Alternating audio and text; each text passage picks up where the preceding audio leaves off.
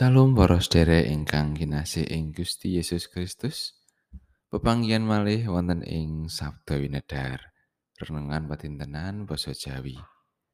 Sesarengan kita badhe ngegilut sabdanipun Gusti, monggo kita ndedonga. Gusti Allah Rama kawula kasuwargan. Puji syukur kunjuk dumateng Paduka Gusti, awit sakathahing berkah Paduka ing gesang kawula. Sakmenika kawula nyawisaken manah kawula mirunggan badhe nampeni sabda pangandika Paduka. Sumangga Gusti paring pangandikan, mugi roh suci madangi manah kawula, satemah kawula mangertosi lan ngecakaken dawuh Paduka. Tasih kathah dosa kalepatan kawula ing ngarsa Paduka, mugi Gusti kersa ngapunteni. Wonten ing asmanipun Gusti Yesus Kristus kawula ndedonga. Amin. Wawasan kapendet saking Yesaya bab gangsal ayat setunggal dumugi pitu. Aku arep ngrepekake kitung bab kekasihku. Kidunge kekasihku bab kebonane anggur. Kekasihku iku kagungan pakebonan anggur ana ing reng-renging pagunungan kang subur. Iku dipaculi lan watu-watune dibuangi. Nuli ditanduri wit anggur pilihan. Banjur diadegi panggungan pajagan ana ing tengahe pakebunan mau. Panjenengane tumuli damel jogangan pamersan anggur. Sarta ngajeng-ajeng supaya pakebonan iku metohake woh anggur kang becik. Nanging jebul metohake woh anggur kang kecut. Mulane saiki he penduduk Yerusalem lan para wong Yehuda padha ngadilana prakaran ingsun kalawan pakebonan ingsun anggur iku. Apa maneh to kang kudu katindakake tumrap kebonan ingsun anggur iku? Kang durung son lakoni. Ingsun ngajeng-ajeng supaya metokno woh anggur kang becik, ya kene dene mung metohake woh anggur kang kecut. Awit saka iku ingsun bakal paring sumurup marang sira. Apa kang bakal sun tandukake marang pakebonan ingsun anggur iku? Ingsun bakal mecoki pagerik eri, satemah pakebonan iku entek kapangan. Lan temboke bakal sun jugrukake. Satemah pakebonan iku kaidak-idak. Bakal sun damel supaya katukulan ing rerungkutan. Ora dipaprasi lan ora bebabati. Satemah katukulan pis kucing lan suket. Ingsun bakal paring dawuh marang mendung. Supaya aja nurunake udan marang pakebonan iku. Amarga pakebonane anggur sang Yewah Gustine sarwa tumitah iku turune Israel. Lan para wong Yehuda iku tanduran kang diremeni kang diajeng-ajeng keadilan nanging kang ana mung tindak ambeksio kang diantos-antos kabeneran nanging kang ana mung kaonaran Makatan pangandikanipun Gusti ayat naceng ayat kalih C.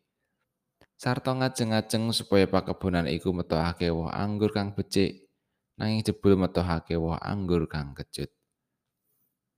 Kasil ingkang sembodo lan pingahaken menika ingkang kasuwun dening sinten kemawon nalika ing pambudidaya rejeki olah taneman, ternak, bebakulan, pasinaon, pangusaha lan sapanunggalane. Saking sekawit ngerancang, ngrekap, tinata teliti, lan kelajengaken tumindak gawe supados mboten wonten ingkang ketriwal ing pangangkah. Makaten ugi nyawisaken wekdal kangge ndedonga ingkang ujubipun manut relaning ati. Wonten ingkang ujub piston, pisungsung, punaki utawi nadar, lan namung cekap ndonga piyambak. Tentu kemawon ing tembe maremaken sedayanipun. Kegambaran mekatan ugi karaosaken ing tiang sepuh sekawit gula wendah lare, dipun sekolahaken, disangoni, dicepakaken pulsa, HP, itu akeh buku ing pangangkah sregep sinau lan benjang saged kasembadan kekayuhane. Ananging kados pundi menawi panenan menika mboten maremaken? Kecut. Sedih sisa gelo mangkel. Malah ing kitab Yesaya pakebunan anggur ingkang sampun katata prayogi dumugi pager lan damel panggungan pajagan. Ananging sanyata wit angguripun kecut lajeng dipun jugurukaken lan pakebunane diidak-idak telas dayanipun. Menika ugi nggambaraken umat ingkang nampi sehipun Gusti Supados ing tembe dados umat ingkang luhuraken Gusti Allah. Malah ing tembe nyingkur saking panjenengane lan tumindak ambeksia lan kaonaran. Saking pangetukanipun Gusti ngantos mekaten ngegirisi. Lah kita umat Kristen menapa taksih ngegungaken asmanipun Gusti Allah ananging tumindak kita tebih saking kersanipun Gusti. Allah boten duka, mesti paring sih pangapunten. Kadya anak datang tiang sepuhipun, ah boten mungkin duka. Menapa Allah boten saged duka lan ndawahaken bebendu? Menapa tiang sepuh kita boten duka menawi kita jarak damel onar? kita perlu ngatosaken tumindak kita ing gesang patentenan. Boten namung ibadah wonten ing gereja kemawon. Kadhe mekaten kita ngedalaken wae gesang ingkang prayogi. Amin.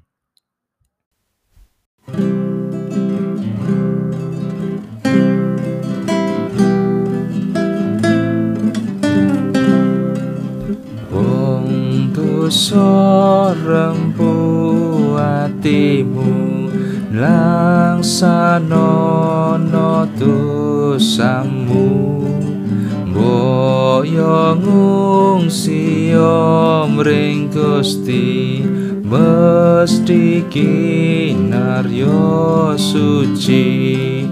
Gusti nimbali sira ngrungono to sabdanya pasrah jiwa raga